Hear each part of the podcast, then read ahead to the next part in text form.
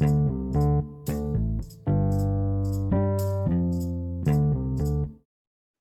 selamat malam Kema. Gimana nih kabarnya? Kenalin, aku Ajeng dari Angkatan 2021. Malam ini akan membawakan podcast dan stories Pakar Cinta Jatinangor 3.0 yang akan diisi oleh teman-teman dari Metro 2022. Yeay! Halo Kema. Halo Kang Teteh. Nah, siapa nih Kema yang udah curhat ke Bunda? Podcast dan stories ini bakal menarik banget nih guys, karena semua masalah Kema akan dijawab oleh pakar cinta Jatinangor, yaitu Teh Iva. Halo Teh Iva. Halo. Wah, aku udah gak sabar nih, dan kayaknya Kema juga pasti gak sabar untuk mendengar pakar cinta kita. Selanjutnya, kita akan membacakan pesan-pesan dari Kema yang sudah dikirim sebelumnya. Pesan pertama nih, dari si paling cinlok. Untuk semua yang bisa jawab aja deh. Bunda, aku mau minta saran dong. Aku tuh orangnya gampang banget cinlok. Huhuhu, gimana ya biar agak cuek dikit. Sejujurnya aku orangnya mah jutek. Tapi kalau masalah cinlok, pasti selalu terjadi. Maci, Bun. Wah, cinlok ya. Ini kalau cinlok sih susah ya menurut aku. Gimana caranya biar agak cuek dikit? Hmm, gimana ya? Kalau menurut aku mungkin bisa dibatasin ya sama si doinya ini biar nggak terlalu dekat. Kan kalau sering sama-sama pasti ujung-ujungnya bisa cinlok. Jadi mungkin kalau mau nggak cinlok bisa mungkin dijaga jaraknya dikit meskipun agak susah. Gimana nih menurut teteh-teteh yang lain? Sebelumnya makasih banget ya buat pakar cinta kita. Keren banget nih. Mungkin sarannya tadi kita harus jaga jarak dikit gitu ya teh supaya gak gampang cinlok. Oke, sepertinya solusinya mungkin sudah cukup kali ya dari pakar cinta Jatinangor kita. Karena pakar cinta kita itu bukan pakar cinta yang biasa aja gitu, udah profesional. Jadi jangan Iya. sampai khawatir ya Kema. Iya ini udah udah wah paling terkenal di Jatinangor ya. Ini Ajeng. Oke, selanjutnya mungkin kita bisa bacakan pesan Kema eh, yang kedua, yaitu dari Kay untuk Akang Teteh. Mungkin pertanyaannya bisa dibacakan oleh Teh Nasi. Oke, aku bacain ya, Teh. Jadi dari Kay untuk Akang Teteh. Pesannya, Bunda curhat dong. Aku selalu kagum sama Akang Teteh yang aktif di bidangnya masing-masing. Mereka tuh sungguh-sungguh dalam perannya di organisasi atau kepanitiaan yang diikuti dengan hasilnya maksimal. Gimana sih caranya supaya kita punya energi lebih dan selalu semangat dalam menjalani aktivitas? Wah, jujur Li, aku juga selalu kagum loh sama Kang Teh yang aktif di organisasi. Kayak mereka tuh hebat-hebat banget, jago banget time manajemennya. Nah, sepertinya ini skema yang kirim sebenarnya bisa juga tahu, bisa banget kalau mau sama kayak Kang Tehnya ini.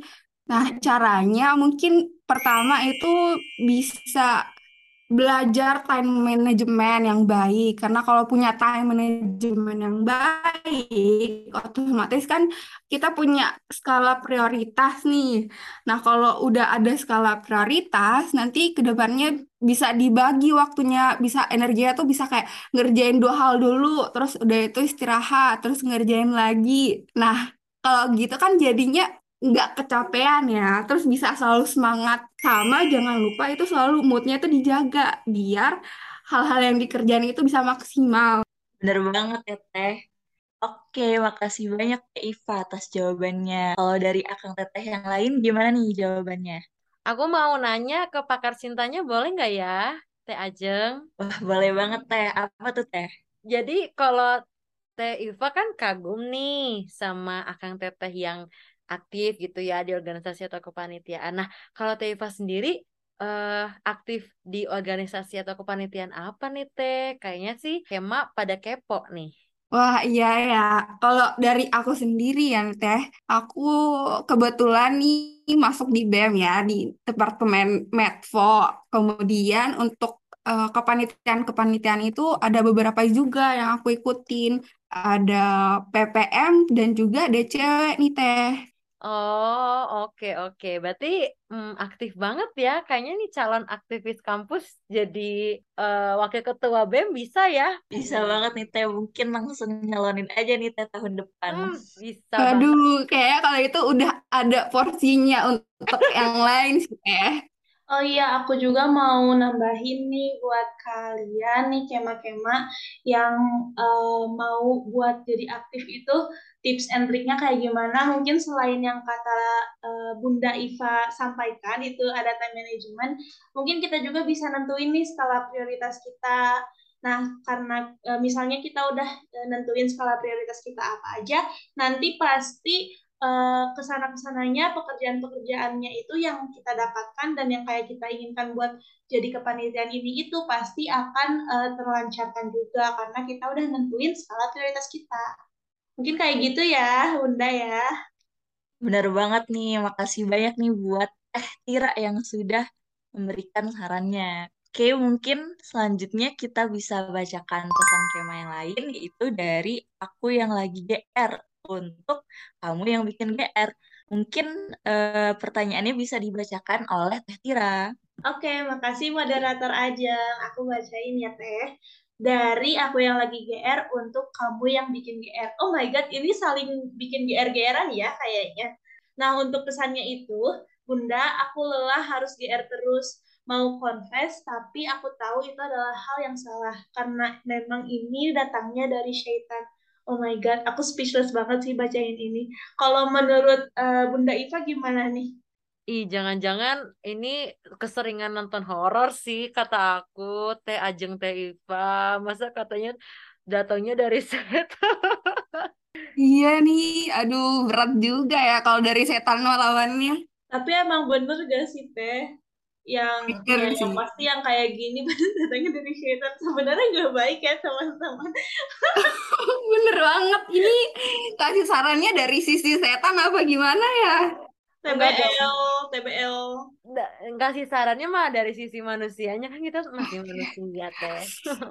Ini kalau menurutnya GR-nya ini dari datangnya dari setan, menurut aku nih ya, kamu kalau gitu ditahan aja. Kalau mau berarti eh gimana ya jauhkan lah dari si si bikin si paling bikin kegeran kamu ini.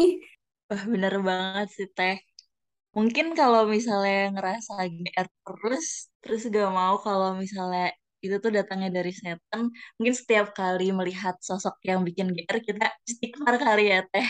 Betul, kita harus istighfar kayaknya Teh Iva. Nah, bener banget ini kayak ya udah betul banget ini istighfar. Kalau ketemu terus jauhan deh biar gak GR.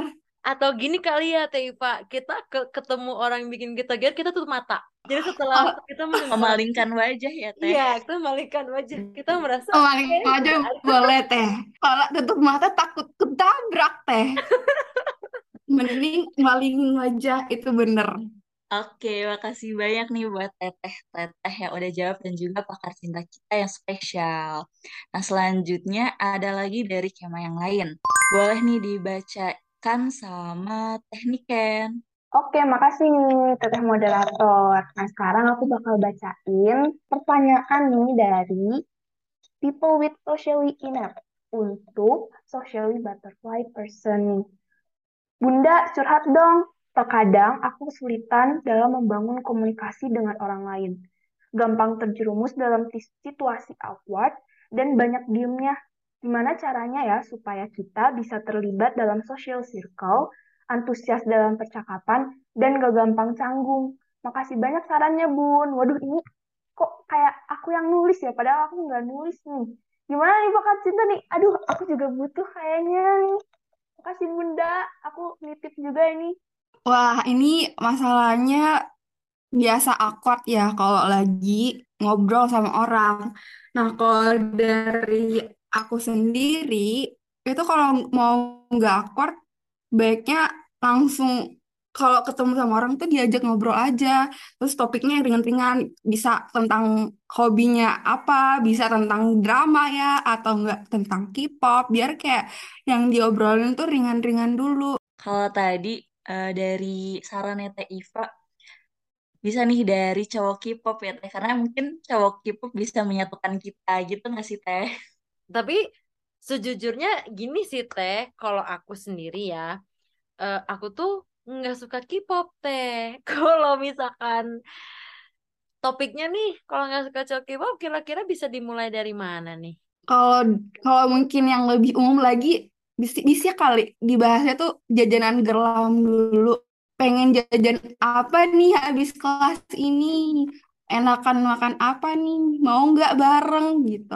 I iya, kita tuh udah kuliah offline juga ya, Teh. Wih, ya, baru kepikiran juga. Iya, kalau tapi kalau di Gerlam, Teh Ajeng nih ya sama Teh Iva tuh suka makan apa nih, Teh? Pernah beli nggak?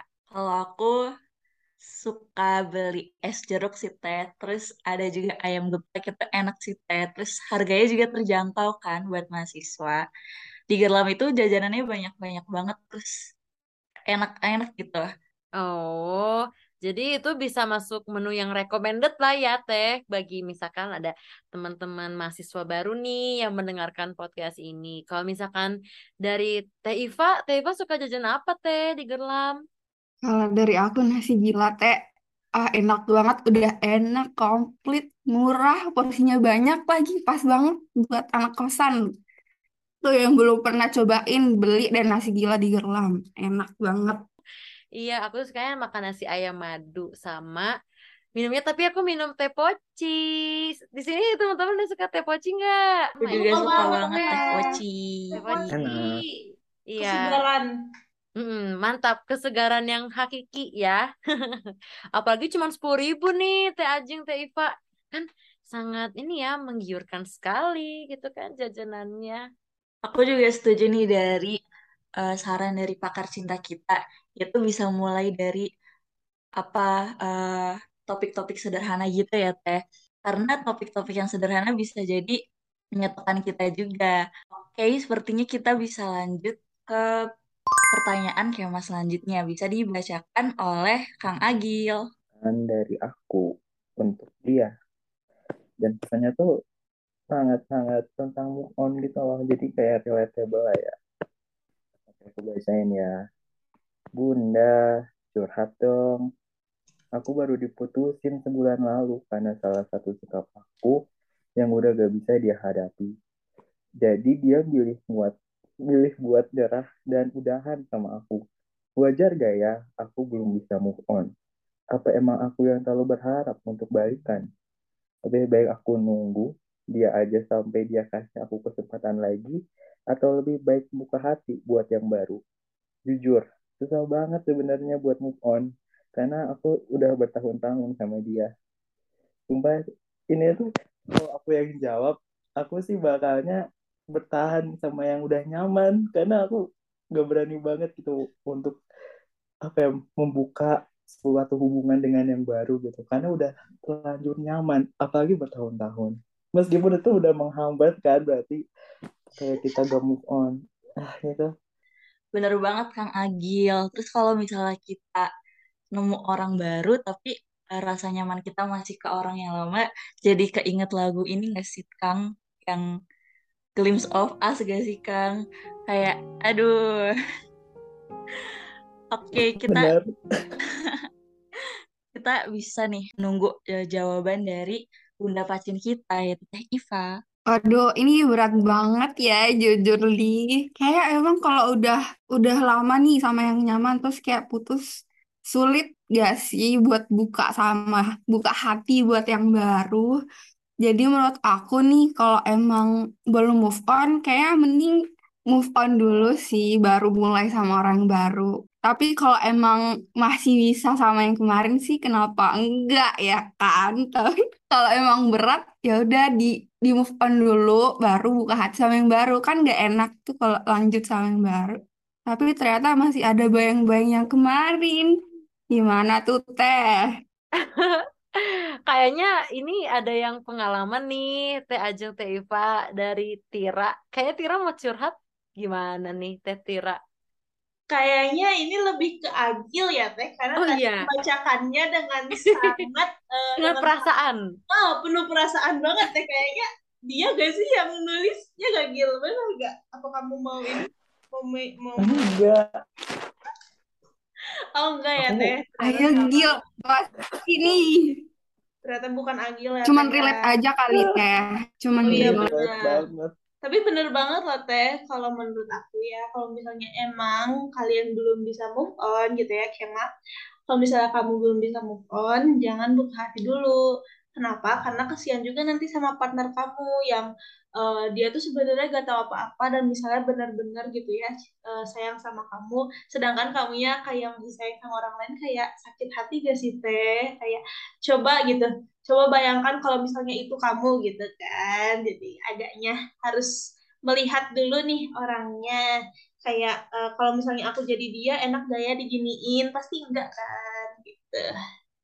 Bener banget nih Teh Tira. Mungkin dari dari keluh kesah Kema juga kan di sini ada aku baru diputusin sebulan lalu karena salah satu sikap aku yang udah nggak bisa dihadapi. Kema juga bisa introspeksi diri dan memperbaiki diri apa gitu yang bisa diperbaiki. Oke, mungkin ada yang mau ditambahin gak nih sama Bunda Pacin? Kalau dari aku mungkin itu sih tadi yang Ajeng tambahin buat diintrospeksi diri. Ya benar banget nih. Soalnya kan masalah putusnya itu karena dia yang ada sikap nih yang nggak disukai sama si cowok. Jadi mungkin boleh diintrospeksi dulu kira-kira gimana sih enaknya biar biar nanti kalau adanya yang baru tuh nggak bakal keulang. Oke, kita lanjut ke Kema berikutnya. Bisa dibacakan oleh Teh Daniela. Oke, selanjutnya nih aku mau bacain dari adiknya Azam untuk teteh pemateri PAB hari Sabtu pagi. Boleh nih untuk teteh pemateri PAB kalau lagi denger disimak baik-baik nih. Bunda minta kerennya dong, cantiknya juga jangan kelewatan. Aduh, aduh. Semoga teteh pematerinya denger nih ya. Waduh, waduh, ini ada buat pemateri PAB ya hari Sabtu pagi. Pasti Teteh ini keren banget ya, sampai-sampai ada penggemarnya nih satu orang yang nulis. Minta kerennya dan cantiknya jangan kelewatan. Waduh, nggak salah, udah ada yang naksir nih seorang. Ya bisa jadi kalau dengar hmm, inilah ya nanti bisa eh, menambah followers gitu ya di IG. Teifa ih, lucu banget. Dulu pun aku menjadi mahasiswa baru guys, menjadi maba itu ngeliat kakak tinggal tuh kayak wow gitu kan, yang cewek kayak yang cowok. Iya nggak? Teifa gitu juga Iya, nggak? bener banget ya. Pasti langsung terkesima. Wah, keren banget nih. Kang Teh yang ini. Iya. Iya teh, siapa tahu juga bisa jadi buat motivasi atau semangat belajar di FKG ya teh. Iya, betul banget loh guys. Karena apa ya, kan motivasi itu nggak melulu soal kayak eh eh, aku kayaknya harus eh, lulus karena eh, gini gini gini gitu. Nah, bisa jadi kayak dengan kita setiap hari nih kan kita ada offline nih ya, teman-teman. Kayak misalkan ih sesinya Akang Teteh ini lagi eh, praktikum loh. Wah, kayaknya bisa ngeliat nih gitu kan. bener banget teh terus ini lucu banget kita cantiknya juga jangan kelewatan katanya udah kayak sound TikTok gak sih teh kayak munduran dikit Mm-mm. munduran dikit karena Iya. kelewatan lucu banget Kayaknya ini penggemar TikTok juga ya, si sender ini. Gak apa. Semoga tetap semangat ya, eh, sender mencari teteh cantiknya. Oke, kita bisa uh, lanjut ke pengirim berikutnya dan merupakan pengirim terakhir, yaitu dari Aquarius untuk Aries. Zodiak ya, Teh. Oke, pertanyaannya, Bunda mau cerita dong, aku punya kecengan, panggil aja Aries. Jujur, I still admire him sampai sekarang. Aku pernah usaha, tapi jatuhnya kelihatan fake banget. Little he know, aku bener- aku bela-bela ikut panit dan Elka biar bisa bareng bantu dia. Once aku ngerasa bodoh, kenapa aku lebih prioritasin dia dibanding diri sendiri. In the end, aku akunya jadi sibuk banget. Worth a shot? Not really. Sometimes aku juga mikir, ngapain sih emangnya dia bakal suka sama aku? Gak tahu deh, aku sendiri nggak habis pikir kenapa aku bisa-bisanya ngutamain dia. Tolong bunda, aku capek, tapi a- kalau aku nggak ngarepin dia lagi, hidup aku plain banget beneran. Yours truly, one of the Aquarius. Waduh, ini kayaknya gimana udah udah jatuh hati banget nih kalau aku lihat-lihat ya. Tapi jadinya nggak bisa prioritasin diri sendiri. Nah, itu kayaknya kurang nih. Harusnya kamu prioritasin diri dulu, baru si doi ini. Jangan-jangan malah dia diprioritasin, dianya malah nggak lirik sama sekali. Kan nggak enak. Jadi di mana-mana tuh kayak diri diri sendiri dulu. Terus kalau kayak udah love yourself nih, baru deh prioritasin doi kamu ini. Bener banget. Yang paling prioritas adalah diri kita sendiri gitu ya, Teh. Setuju banget nih Teh Ajeng dan Teh Iva. Karena balik lagi nih ke uh, skala prioritas ya. Masa masa kalian mengutamakan diri orang lain dibandingkan dengan diri kalian gitu di atas ya di atas kepentingan diri sendiri gitu kan. Ya kalau dari teorinya ya balik lagi ke skala prioritas. Tapi kalau misalnya emang udah cinta banget gitu ya mau diapakan ya guys ya. Cuma paling ya sering-sering refleksi diri lah ya kayak misalnya uh, sebenarnya tuh gak baik gitu hubungan yang kayak gitu sebenarnya toksik gitu kan. Jadi kalau sebisa mungkin uh, menjauhlah selagi masih bisa menjauh gitu. Kayaknya uh, Tira ini sangat teori girl banget ya. Teorinya adalah skala prioritas nih. Teiva dan Teh Ajeng. Nah, sama aku juga mau nambahin sih uh, teman-teman Kema. Uh, jadi memang betul guys, karena uh, biasanya sih biasanya cewek ya yang kayak gini. Nah, buat teman-teman cewek nih, my bestie bestie di luar sana, prioritize yourself guys, karena uh, ya kalau cowok itu kadang emang jarang peka. Jadi kita uh, ini ya seperti kata TikTok, yaitu kita lebih dulu aja mencari uang dibandingkan kita mencari ayang gitu kan. Ya tentunya dengan kita nanti udah bekerja, udah keren banget nih dari dokter gigi punya penghasilan. Cowok-cowok di luar sana mah bakal bukan ngelirik doang guys, langsung ngejar kalian. Jadi nggak usah takut ya. Kalau dari aku gitu sih, teteh-teteh. Wah bener banget nih Teh Sarah, setuju banget yang pertama-tama dicari itu uang dulu baru ayang gitu ya Teh. Oke Kema, akhirnya semua permasalahan Kema bisa diatasi oleh pakar cinta Jatinangor dan Akang Teteh dari Medco. Semoga kegalauan, kegundahan, dan keresahan yang dialami bisa segera teratasi ya. Sampai jumpa Kema di podcast dan stories yang berikutnya. Aku Ajeng, pamit undur diri. Dadah. Dadah Kema. Dadah, Dadah Kema. Dadah, yuhu. Dadah.